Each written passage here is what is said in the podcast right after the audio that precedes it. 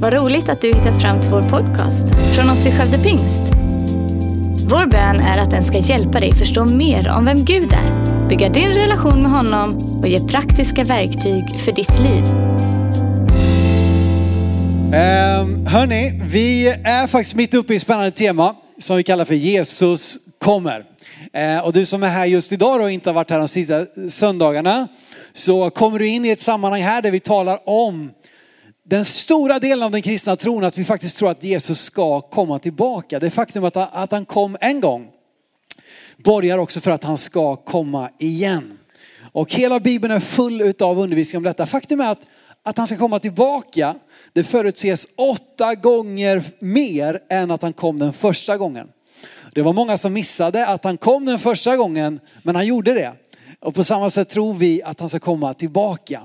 Eh, och det här kan ju kännas bara, vad tror ni det? Tror alla, all, faktiskt att alla kristna tror detta. Det är en grundläggande del av den kristna tron. Eh, och Nya Testamentet är fullproppat utav det. 260 kapitel i Nya Testamentet och 300 gånger så talas det om att Jesus ska komma tillbaka. Så det är ett stort och viktigt ämne och ibland svårt ämne för det handlar om framtiden. Och hur ska vi veta, hur ska vi förstå hur framtiden kommer att se ut? Ja, det, det kan vi ju inte till 100 procent. Men vi får en fingervisning eh, genom Bibelns undervisning. Eh, och eh, så häng med mig den här tredje delen som jag har eh, gett rubriken Medan vi väntar. Medan vi väntar. Och vi ska läsa först nu ifrån eh, andra Petrus brev kapitel 3 och från vers 13 till 15. Där står det så här. Men, Petrus säger, men efter hans, alltså Jesus löfte, ser vi fram emot nya himlar och en ny jord där rättfärdighet bor. Därför mina älskade, när ni nu väntar på detta, gör allt ni kan för att bli funna rena och fläckfria inför honom i frid och räkna med att vår Herres tålamod innebär frälsning. Så har också vår älskade broder Paulus skrivit till er efter den vishet som han har fått. Alltså, vi väntar en ny himmel och en ny jord där rättfärdighet bor. Det här skriver Petrus till om troende i norra Turkiet i det första århundradet. Eh, och lika relevant, lika aktuellt som det var för dem tror jag att det är också för oss att ta till oss detta budskap. Ehm, och eh, du vet att när vi tittar oss omkring och när vi ser då en döende värld som lever över sina tillgångar eh, och är i händerna på orättfärdiga, despotiska ledare så är detta Bibelns svar på allt detta orättfärdiga som vi ser. Nämligen att det kommer en dag där ondskans liksom bäst före-datum är passerat, där Jesus kommer komma tillbaka. Den andra gången kommer han komma som kung och som domare. Och han ska göra slut på all orättfärdighet. Han ska döma ondskan och han ska eh, förnya skapelsen. Eh, så att det finns så mycket hoppfullt i detta. Även om du tycker det känns som, det här känns, tror ni verkligen på detta? Ja, vi tror på detta. Ehm, och liksom, vi, kan vi kan vara överens om att vår värld på många sätt liksom verkar inte kunna hålla för alltid.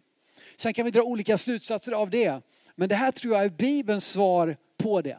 Att det finns ett hopp, det finns någonting som vi som kristna, det finns någonting vi kan sätta vårt hopp till som är större än liksom Glasgow-avtal, som är större än, än presidenters förmåga att sluta fred eller inte. Som är större än om det nu har varit den sista coronapandemins restriktion eller inte.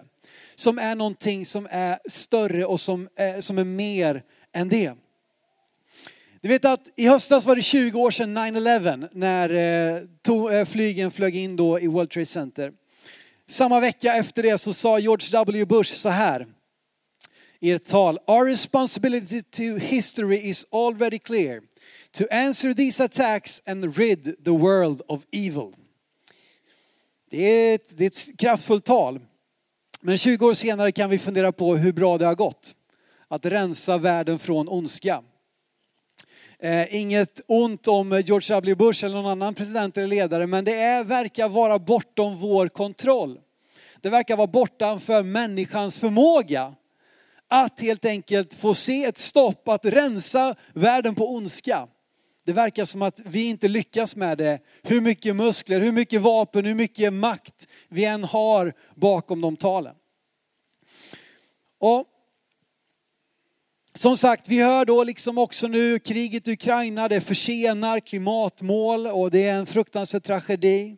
Vi står inför fruktansvärda svältkatastrofer i Jemen, Somalia, andra platser i världen. Ehm, och generation Z, de som är födda mellan 96 och 2012-ish, det är lite olika vart man sätter det. Det är den första generationen på mycket länge som inte tror att de kommer ha det bättre än sin föräldrageneration. Ehm, och det är lätt att tappa modet i allt det här svåra. Det, det, jag menar, det var ju så glatt förut. He's risen sjöng vi ju. Och så ska vi liksom få, få, få allt det här i knät. Ehm, och idag är det lite extra tungt eftersom att vi ju kan få del av allt som händer i jordens alla hörn. Inte bara ska vi liksom leva med det vi har i vår omedelbara närhet, i vårt eget land, eller vår egen stad. Utan vi får nyheter och rapporteringar liksom eh, instantly från hela världen. Eh, och i allt detta är budskapet att Jesus ska komma tillbaka ett enormt hopp. Precis som det varit för tidigare generationer och kulturer som upplevt sin tids stora kriser. Och jag tror att mycket av den undervisningen, inte minst Uppenbarelseboken, det är Bibelns sista bok som är liksom ensam i sitt slag i Nya Testamentet genom att det är en, en profetisk liksom text som talar om, eh, och, och det, det, det, är ett bildspråk och liksom det, det är ett budskap som skiljer sig från de andra böckerna i Nya Testamentet. Så tror jag att den är skriven för alla vi kristna i det som Bibeln talar om som den sista tiden. Och jag förklarade förra veckan att den sista tiden är från pingstdagen till Jesus kommer tillbaka. Den sista tiden är inte begränsad till en omedelbar tid i liksom anslutning till att Jesus kommer tillbaka. Utan Nya undervisning lär oss att den sista tiden, de sista dagarna är från Jesus död och uppståndelse, pingstdagen, där anden blir given till alla människor så att vi kan få del av Guds auktoritet, att vi kan få sprida hans hopp, att vi kan få bygga hans rike på den här jorden i den tid som nu är.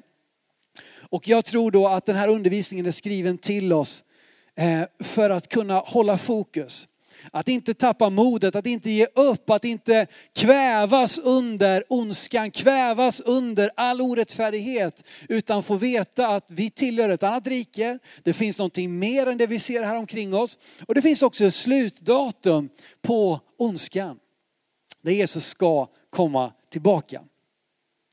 Och som sagt, vi har ju en tendens att tänka och se och läsa allt det som Nya Testamentet talar om som att det här gäller oss. Alltså, och, och, det är rätt på ett sätt. Men jag tycker ibland har vi haft en betoning på att det här gäller oss på det sättet som att det innebär att Jesus kommer om tre år, om sju år, om tio år och så har vi fastnat i spekulationer i huruvida han ska komma om fem eller tio år istället för att liksom, eh, eh, fokusera på, på, på liksom, vad vi ska göra medan vi väntar. Eh, och du vet att eh, det, som, det som Petrus säger här i samband med det här bibelordet, jag älskar det, det står så här att räkna med att vår Herres tålamod innebär frälsning i det att han dröjer. Eh, och gör allt ni kan för att kunna leva rena och fläckfria i frid. Att vi medan vi väntar att, att räkna med att Gud dröjer på grund av sitt tålamod, sin kärlek, att han vill att alla människor ska få, få en chans att bli frälsta. Att det finns liksom, tider och stunder i Guds händer. Men här och nu har Gud gett oss en undervisning, en uppmuntran, en, en kraft att kunna hantera allt det orättfärdiga som vi möter. Jag tänker på de kristna som levde i Nordafrika och Spanien på 600-talet. Du vet att hela Nordafrika var i den första liksom kristna eh, eh, området, stora runt hela medelhavsområdet. Och så kom 600-talet där muslimerna med våld kom och, och eh, e- invaderade hela Nordafrika och ända upp i Spanien och ersatte kristendom eh, med, med islam. Jag tänker hur de upplevde den situationen, hur de läste Uppenbarelseboken, hur de läste eh, undervisningen om den sista tiden. Jag tror att det var en tröst för dem där och då. Jag tänker på de som levde under digerdöden på 1300-talet när en tredjedel av jordens befolkning dog i denna fruktansvärda pest. Denna fruktansvärda, för dem tror jag att Uppenbarelsebokens budskap och det som Bibeln lär om den sista tiden, att det gav dem ett fokus och en skärpa i det de upplevde. Och vi kan fortsätta och, och, lyfta fram hur kristna runt om i olika delar av världen vid olika tider under olika århundraden fått utstå fruktansvärda eh, plågor, nöd, vedermödor. De kristna under Mao Zedong i liksom Sovjet, eh, eller i Sovjet, i, i kommunistkina hur de fick uppleva en fruktansvärd förföljelse på grund av sin tro.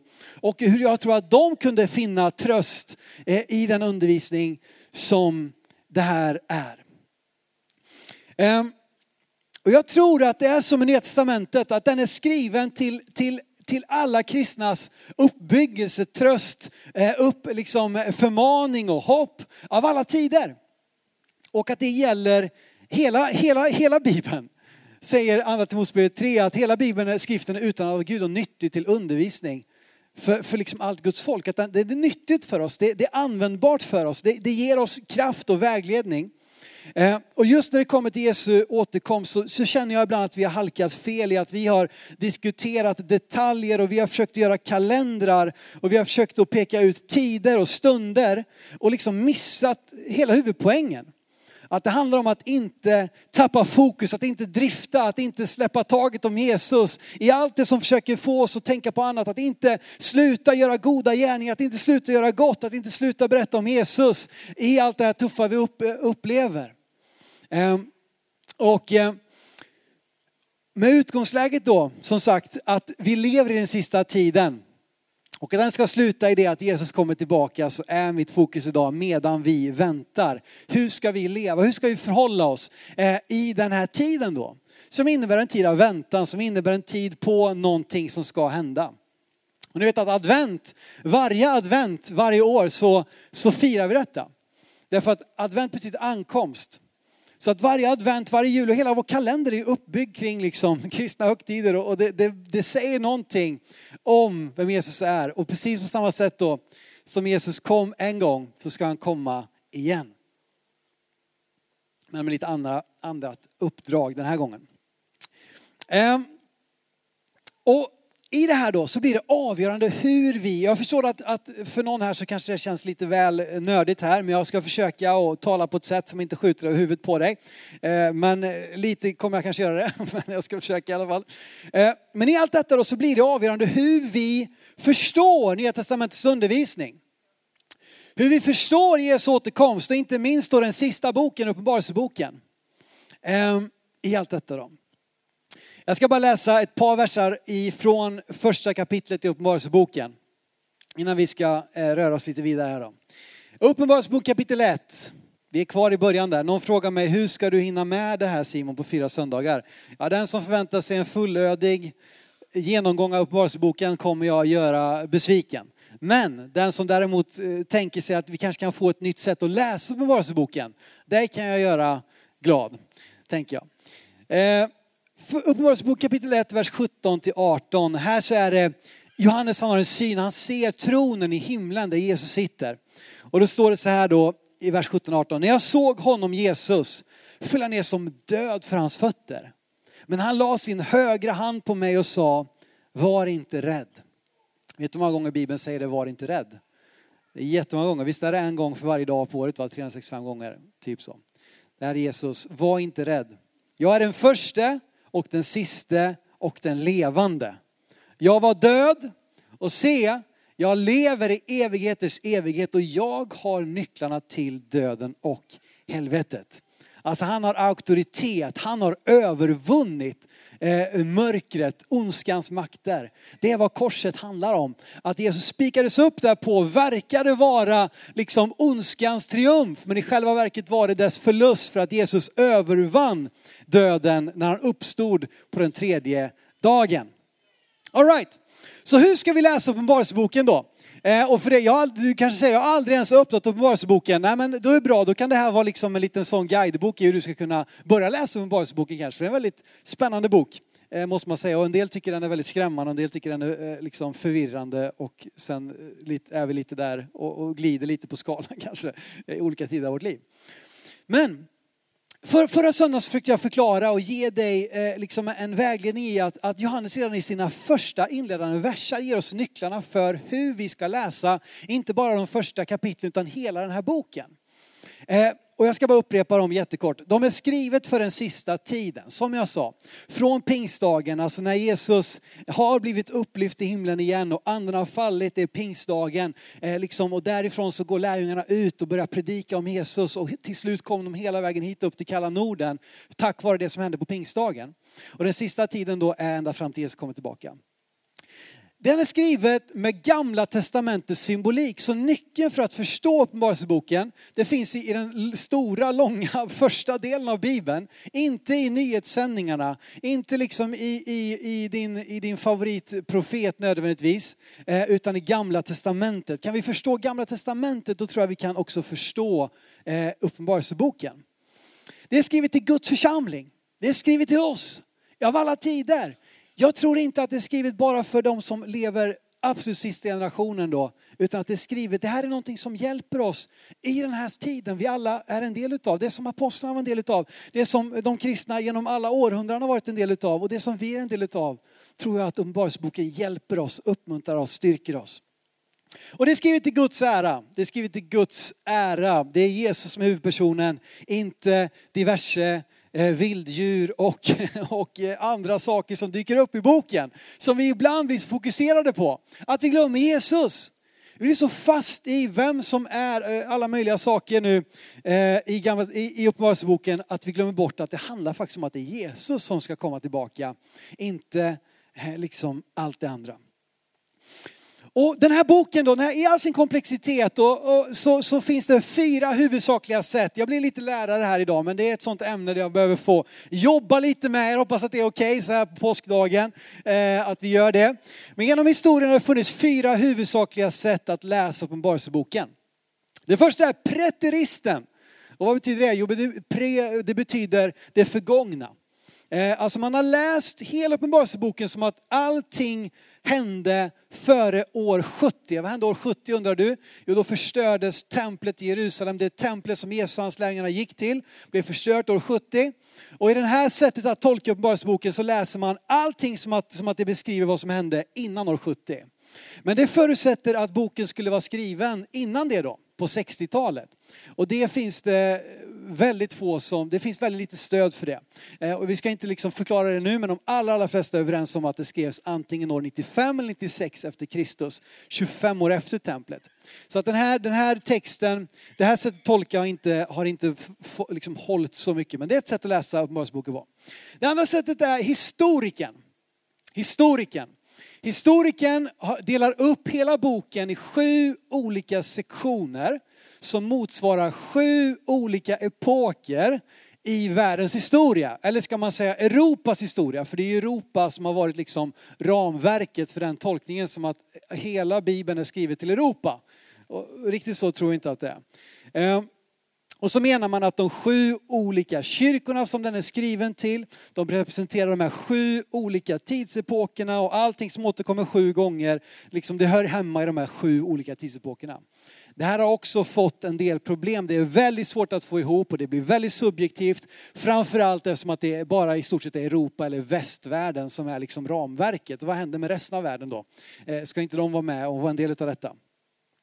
Det tredje sättet och det som är ett av de vanliga sätten, det är futuristen.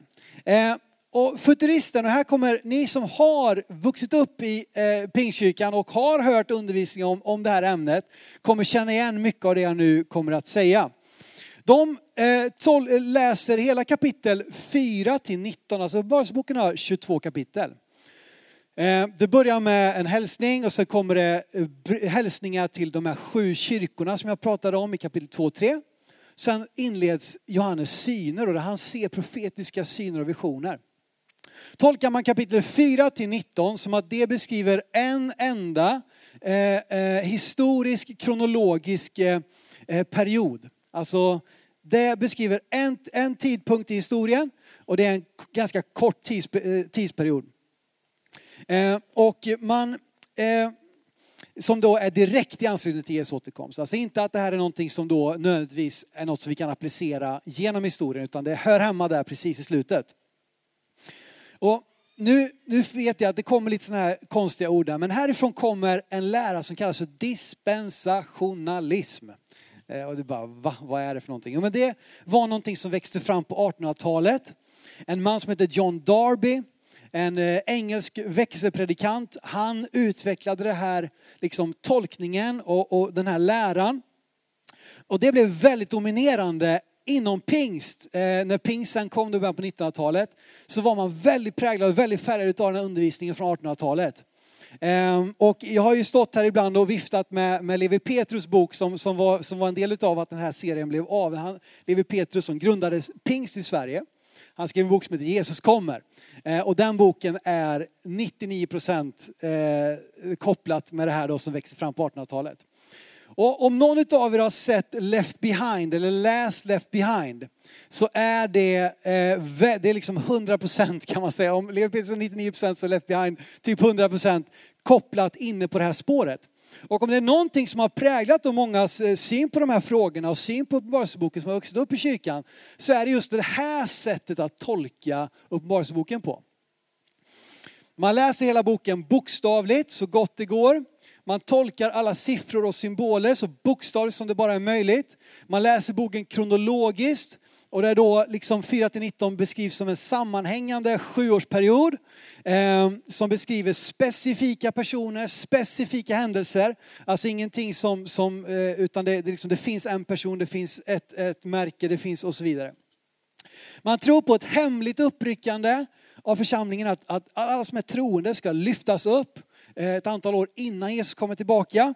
Ehm, och att det då blir starten, alltså nu säger jag saker som en del av er fattar ingenting men en del känner igen mycket av det jag säger just nu. Hoppas att det blir klarhet mot slutet här. Ehm, och att det här, då, den här, det här uppryckandet det blir starten på Daniels sista årsvecka. Som man har sett i Danielsboken kapitel 9. Eh, och det då är den stora vedermödan där alla de här hemskheterna ska hända på sju års tid. Sen kommer Jesus tillbaka igen i slutet av den här sjuårsperioden för att segra över Antikrists välde, inleda ett bokstavligt tusenårsrike som är ett slags mellanting av det vi upplever nu och den här nya evigheten, himlen. Ehm, och här ska Bibelns alla löften till Israel uppfyllas. Ehm, och sen då i slutet av det här tusenårsriket så blir det en ny slutstrid ehm, och sen kommer den slutliga domen. Och, och som sagt, du som aldrig har rört i det här ämnet, du undrar vad vi pratar om. Och många av er känner igen mycket av detta. Och är du uppvuxen i pingst så känner du förmodligen igen detta för det har varit väldigt, eh, liksom, det, det, har varit den synen, den tolkningen som har förts fram allra mest. Han, man menar sig läsa Bibeln så som det står. Andra tolkningar misslyckas med att ta Bibelns profetier på allvar. Och som sagt, det som kan vara viktigt att förstå är att detta tolkningspaket i sin helhet kommer från 1800-talet och från denne John Darby och sen då har anammats av många predikanter efter honom. Det här med ett hemligt uppryckande som Left Behind så dramatiskt visar liksom när, när flygplanen blir tomma och, och allt möjligt, liksom, halvtomma och så vidare.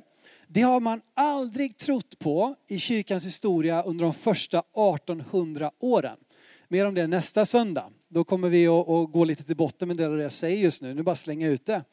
Men man har aldrig trott på det innan 1800-talet och faktum är att just den grejen fick John Darby från en syn som en skotsk eh, eh, tonåring hade eh, 1830 där hon fick den här synen. John Darby hörde talas om den och sa det löser en del i min, i min teori här. Lite problem då med den här tolkningen är så här att Uppenbarelseboken, några saker som Uppenbarelseboken aldrig talar om, är en sjuårig vedermöda. Det står ingenting om det i Uppenbarelseboken. Det finns fem tidsangivelser som typ är tre och ett halvt år. Eh, det finns det, men aldrig står det om sju år. Det står aldrig heller, man skiljer väldigt mycket här nu på, på församlingen och på Israel och på judarna. Att församlingen ska lyftas upp och då ska judarna ta sin plats igen. Men Uppenbarelseboken talar aldrig om Israel och judarna som skilda från församlingen och kyrkan. Man talar om Guds folk. Hela Guds folk är fokus. Uppenbarelseboken talar aldrig om ett uppryckande. Det finns inte en enda vers i Uppenbarelseboken som säger någonting om ett uppryckande. Framförallt inte ett hemligt sådant.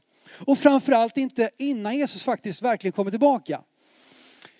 Det här innebär ju också att Jesus behöver komma tillbaka flera gånger. För han ska komma tillbaka en gång och hämta församlingen, sen ska han komma tillbaka igen då senare. Och det talar inte Bibeln överhuvudtaget om. Det talar om en andra, alltså there's only one second coming of Jesus. Alltså det finns bara en andra tillkommelse, en andra återkomst för Jesus. Och jag vet att en del av er blir väldigt, väldigt provocerade just nu av det jag säger. Men jag skulle vilja utmana er att, att våga läsa de här texterna med lite andra ögon. Därför att också den här grejen med att men vi läser det bokstavligt. Ingen kan läsa Uppenbarelseboken bokstavligt. Då blir det Harry Potter eller Sagan om ringen eller liksom Game of Thrones eller någon, någon liksom science fiction-värld. Ingen läser det bokstavligt utan då väljer man och vrakar vad som ska tolkas bokstavligt och vad som ska tolkas bildligt. Det går inte att läsa Uppenbarelseboken bokstavligt och vara vid sina sinnens fulla bruk. Och gång efter annan då, eftersom att man ser de här, de här många kapitlen som bara en enda sjuårsperiod, så har man gång efter gång efter gång velat peka ut uppfyllelsen med stort U, som att nu händer det. Där har vi han. Eh, en annan kul sak är att det står ingenting om, alltså antikrist, det ordet finns inte i Uppenbarelseboken.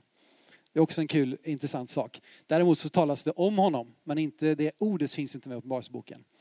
Um, Eh, och som sagt, när man då tror på att det liksom är one-off events, alltså det är händelser som ska hända en gång, så har man gång på gång pekat ut, att där är det, där är personen, det är det Uppenbarelseboken talar om. Sen blir det inte så. Och vad gör man då? Ber man om ursäkt i sina kristna tv-kanaler? Tar man tillbaka boken som man har tjänat ganska stora pengar på som man har sålt?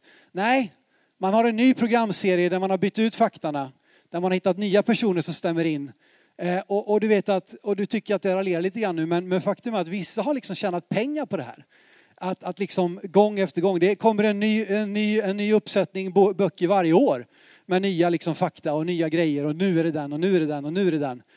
Men när det inte blev så, jag har i alla fall inte hört någon som tar ägandeskap över sitt misstag och säger förlåt. Jag hade fel. Utan man kör en ny omgång. Eh, och det får man ju göra vad man vill med själv.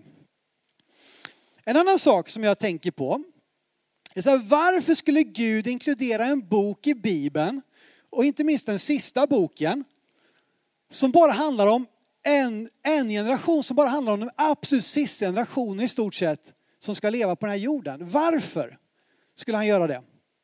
Ja, det får du fundera på.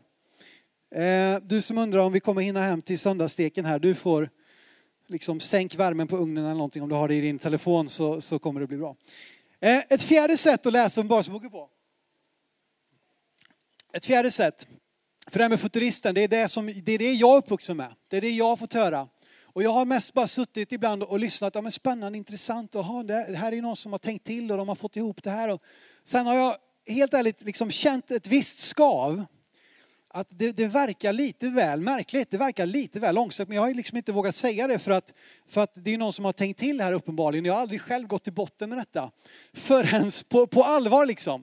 Där man har nöjt sig med, ja, ja, det löser sig nog. Jesus kommer tillbaka liksom.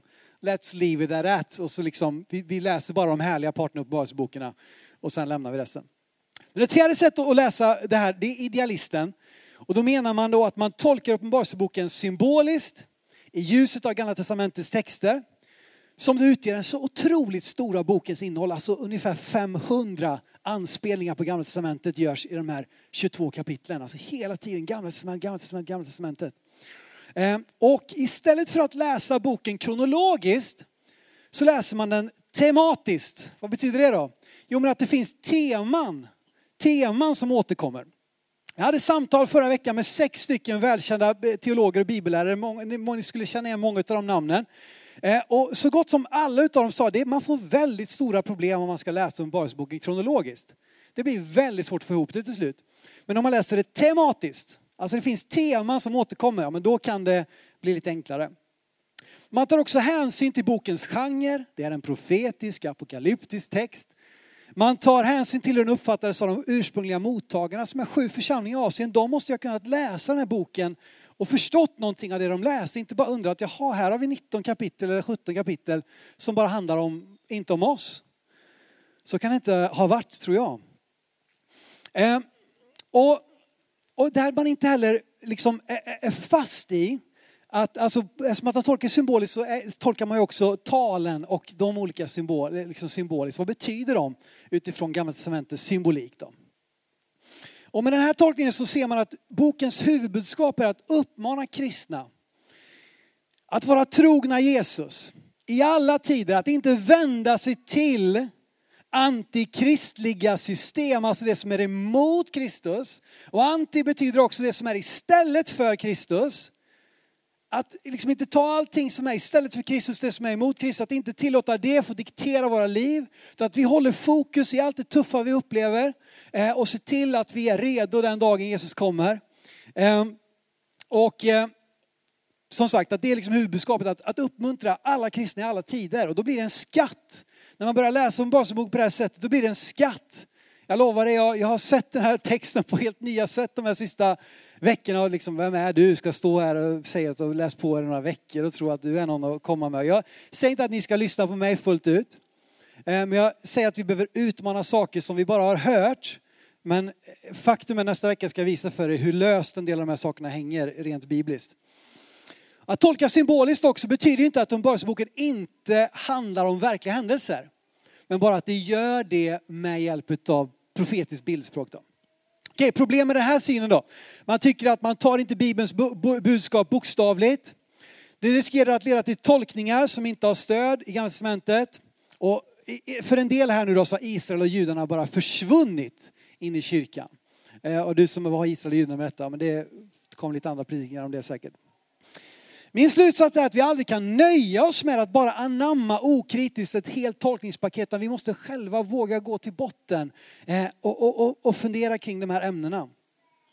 Ehm, och ehm, eh, för att jag uppfattar att, att vi har låst fast oss det är min upplevelse, min uppväxt. Vi har låst fast oss vid ett sätt att tolka de här texterna. Och det har liksom dödat samtalet, det har dödat bibelstudiet och det har stängt våra ögon för, för ett annat sätt att läsa helt enkelt.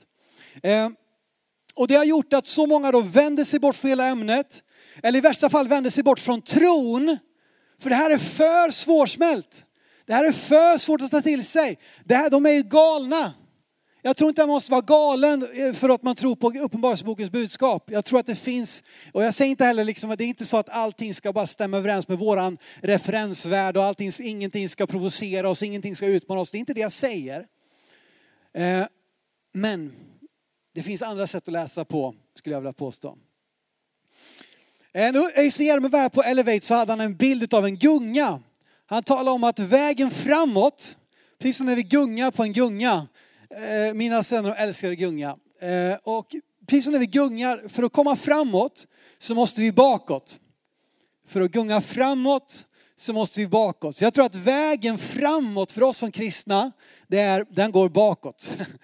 Och inte då att vi stannar upp, utan vägen att kunna ta oss in i framtiden, in i det som Gud leder oss till, är att koppla tillbaka till Bibelns texter. Att koppla tillbaka till det som Jesus lärde, det liv som han och apostlarna levde. Inte stanna på 1800-talet, inte stanna på 1500-talet. Vi kan lära oss utav, utav kristna av alla tider, men vi kan inte stanna där, utan vi måste ta oss hela vägen tillbaka till ursprunget. Och därifrån hämta våran vägledning och kraft in i det som ligger framför. Eh, och eh, jag kommer att komma tillbaka nu då eh, nästa vecka kring hur detta blir ett nytt sätt att kunna läsa Uppenbarelseboken. Men jag bara säger någonting att talens betydelse är otroligt viktig. Och med ett nytt sätt att läsa så kan talen helt plötsligt börja make sense. Eh, det finns väldigt mycket kontraster. Saker ställer sig mot varandra. Det är hela tiden det här liksom ljus, ljus, ljus och mörker. Det är en ständig kontrast. Och vi ser hur djävulen alltid försöker imitera det som Gud gör. Det är det han har gjort ända sedan början med Adam och Eva. Så kom han in och sa, har Gud verkligen sagt?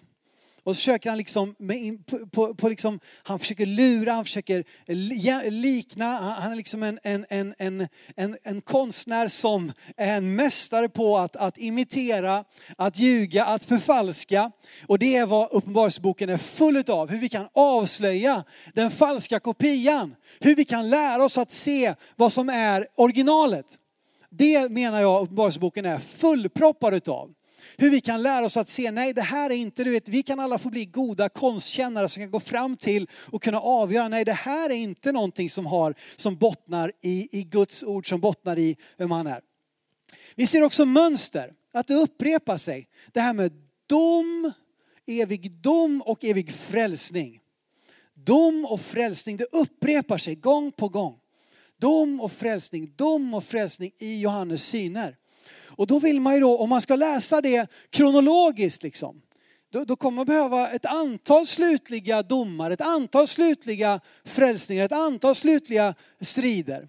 Men om man ser det som att kanske vi skulle läsa de här, de här cyklerna utav budskap mer som vi läser i evangelierna. Vi har fyra evangelier som hjälper oss att se olika sidor utav Jesus. Kan det vara så att de här olika sidorna som upprepar sig och som, som, som kommer igen med, med, med mycket likheter kan ge oss olika perspektiv utav, utav ett och samma händelseförlopp snarare än att det ska vara eh, det här liksom, den här kalendermodellen. All right.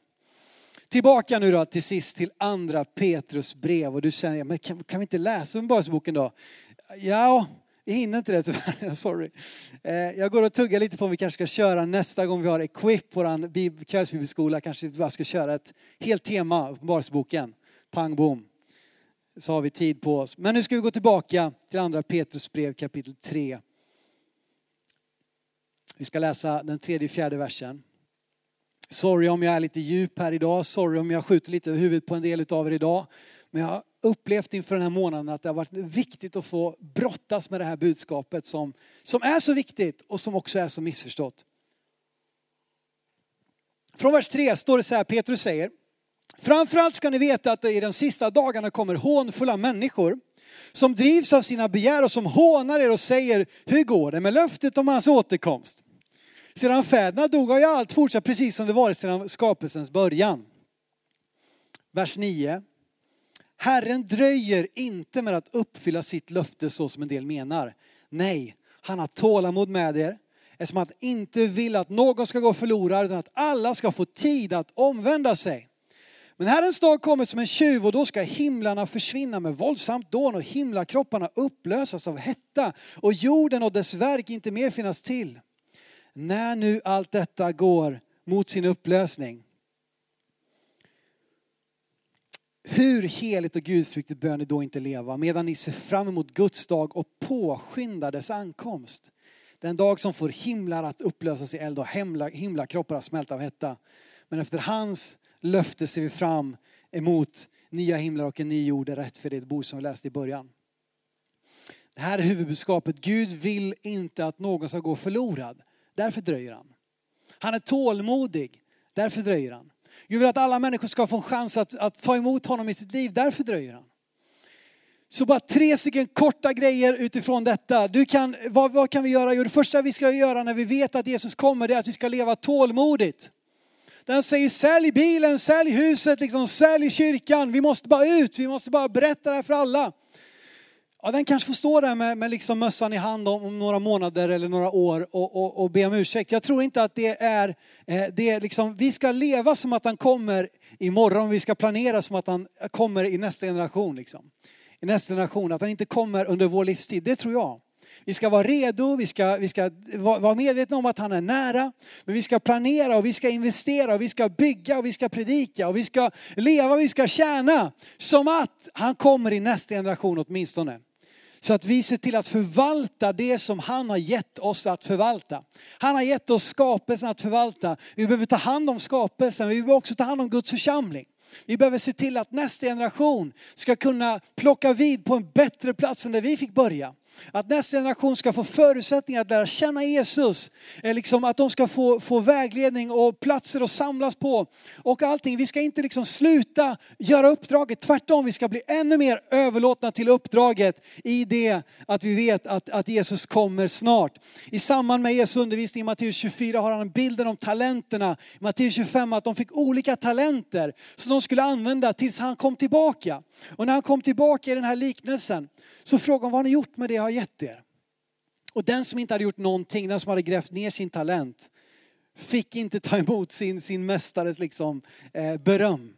Det var de som hade gjort någonting, som hade använt det, de hade omsatt det, de hade förvaltat, de hade multiplicerat det. Så lev tålmodigt. Låt oss ta hand om det som Gud har lagt i våra händer så att vi har någonting att lämna över till de som kommer efter oss ända tills dess Jesus kommer. Lev heligt. Det är han säger, hur mycket mer heligt och fläckfritt ska vi inte då leva? Och då tycker jag, men heligt, vad är det här för liksom elitistisk klubb? Alla ska vara perfekta. Nej, att vara helig, det är att vara avskild för ett specifikt syfte. Det är vad det är att vara helig. Att vara avskild, satt åt sidan, att jag är skapad till Guds avbild. Jag har min plats i det som Gud har tänkt för mig.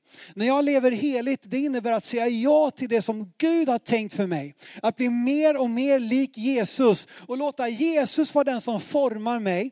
Inte liksom vad som är populärt, vad som trendar just nu, vad som är inne just nu. Utan låta Jesus vara den som formar mig. Det är vad det är att vara helig. Att leva heligt är att vilja bli mer lik Jesus och lev i Guds mission. Petrus säger att vi kan påskynda Guds ankomst. Ett av de viktigaste tidstecknen det är det att, att innan Jesus kommer så ska alla folk, alla stammar ska få höra om honom. Och vi lever i en tid där det finns många folk som aldrig har hört liksom, namnet Jesus, som aldrig har hört evangelium predika. Som aldrig har fått, liksom, vi, vi, vi är så vana vid detta, vi tar det för givet. Men det finns mängder av människor, utav folk och stammar över hela vår värld som ännu inte har fått höra om Jesus. Det är vårt fokus. Det är vårt uppdrag. Och därför ska vi leva i Guds mission, vi ska leva i Guds uppdrag. Att ta budskapet om Jesus till jordens yttersta gräns. Det borde vara vad vi är upptagna med, inte räkna ut vad talet 666 står för och vilken människa det möjligtvis skulle vara eller inte skulle vara. Det är inte det som är vårt uppdrag. Vi ska inte försöka se och tyda tecknen och nu är det krig igen, nu är det svält igen och det är den basunen och det är den hästen och det är den grejen. Nej, hallå, vårt uppdrag det är att förbereda Jesu ankomst. Vårt uppdrag det är att förbereda att han ska komma tillbaka vi kan påskynda hans ankomst, inte genom att liksom skriva en ny upplaga med nya fakta och nya världsledare som vi fördömer, utan genom att predika evangeliet för hela skapelsen. Där i har vi vårt uppdrag som kristna. Om ni trodde att det aldrig skulle hända, nu kommer det. Välkomna fram här nu, lovsångsteamet här. Äntligen! Alltså nu brinner det hemma snart i, i ugnen här, men ta det lugnt liksom. Det blir lite torr stek här, men det, det är det värt när vi får fyllas med Guds ord. Lev tålmodigt, lev heligt, lev i Guds mission. Och det sista jag vill läsa, det här, jag känner det här talar så till mig. För i tider av pandemi, i tider av krig, då poppar Facebook-profeterna upp. Vet du. Då kommer YouTube-budskapen eh, liksom, haglande över oss. Människor som inte har någon plattform annars, de, de gör sig en plattform och talar ut både det ena och det tredje och det fjärde. Och jag säger inte att allt är fel, men mycket av det som jag får skicka till mig, eh, ja det får jag. Titt som tätt så kommer det länkar hit, hit, hit, kolla på det här. Titta vilket, vilket budskap. Och väldigt ofta så känner jag bara en stor blöt filt faktiskt när jag lyssnar på mycket av de här budskapen. Det är så tungt, det är så mörkt, det är så nedtryckande, det är ofta lagiskt. Det är ofta skrämmande, man känner fruktan.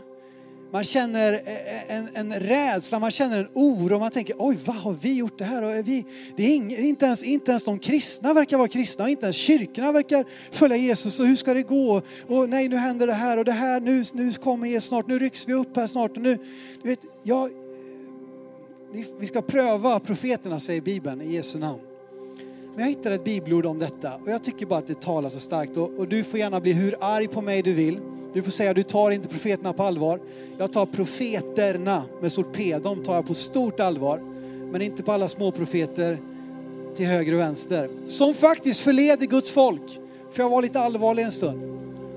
Få filmer som får så mycket visningar som de här spekulativa eh, liksom, predikningar. liksom, och vad gör det med Guds folk? Får det oss på banan? Får det oss att leva heligt? Får det oss att leva i Guds mission? Får det oss att leva tålmodigt? Eller får det oss bara att bli, bli rädda och bara vänta på att domen ska komma? Du får döma själv. Andra Thessalonikerbrevet kapitel 2, vers 1-2. När det gäller vår Herre Jesu Kristi ankomst och hur vi ska samla oss honom ber vi bröder att inte plötsligt tappa fattningen. Nu kommer det. Låt er inte skrämmas av någon ande, av något ord eller brev som påstås komma från oss och som säger att Herrens dag är här. Vi kommer märka när Herrens dag är här.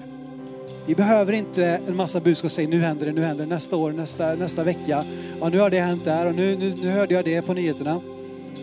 Låt er inte skrämmas. Jag har bestämt mig för att alla förstår sig på det, alla andliga besserwissrar som kommer och säger till mig det ena och det tredje. När det, när det bär allt annat än andens frukt, alltså andens frukt är kärlek, glädje, frid. När jag möter kristna ledare, predikanter, you name it, som bara lägger en stor tyngd över mig. Jag har bestämt mig för nej. Jag tar, inte, jag tar faktiskt inte till mig detta. Och du säger, men lyssnar du inte? Du måste ta det på allvar. Ja, Guds ord tar jag på mycket stort allvar. Men alla de som kommer och så, som, som skrämmer upp Guds folk, som skrämmer upp både kristna och icke-kristna och som ibland får de icke-troende att tycka att vi troende är ännu mer knäppa och ännu mer galna och jag vill inte ha någonting med dem att göra. Jag har bestämt mig för att, att i mitt liv så, jag kommer inte ta till mig det. Jag vill pröva dem utifrån andens frukt, jag vill pröva dem utifrån liksom, eh, andens vittnesbörd. Jag vill pröva dem framförallt utifrån Guds ord. Tack för att du lyssnat. Dela gärna podden med dina vänner och glöm inte att prenumerera så du inte missar nästa predikan. Om du har några frågor eller vill att vi ska be eller tacka för något tillsammans med dig så får du gärna höra av dig till kyrkan skövdepingst.se. För oss är veckans höjdpunkt söndagens gudstjänst och det vore så kul att träffa dig där. Våra team finns då redo att ta emot dig och det finns även egna samlingar för barnen. Du hittar mer information om oss, vilka vi är och våra olika mötesplatser på skövdepingst.se. Gud välsigne dig och ha en fortsatt bra vecka.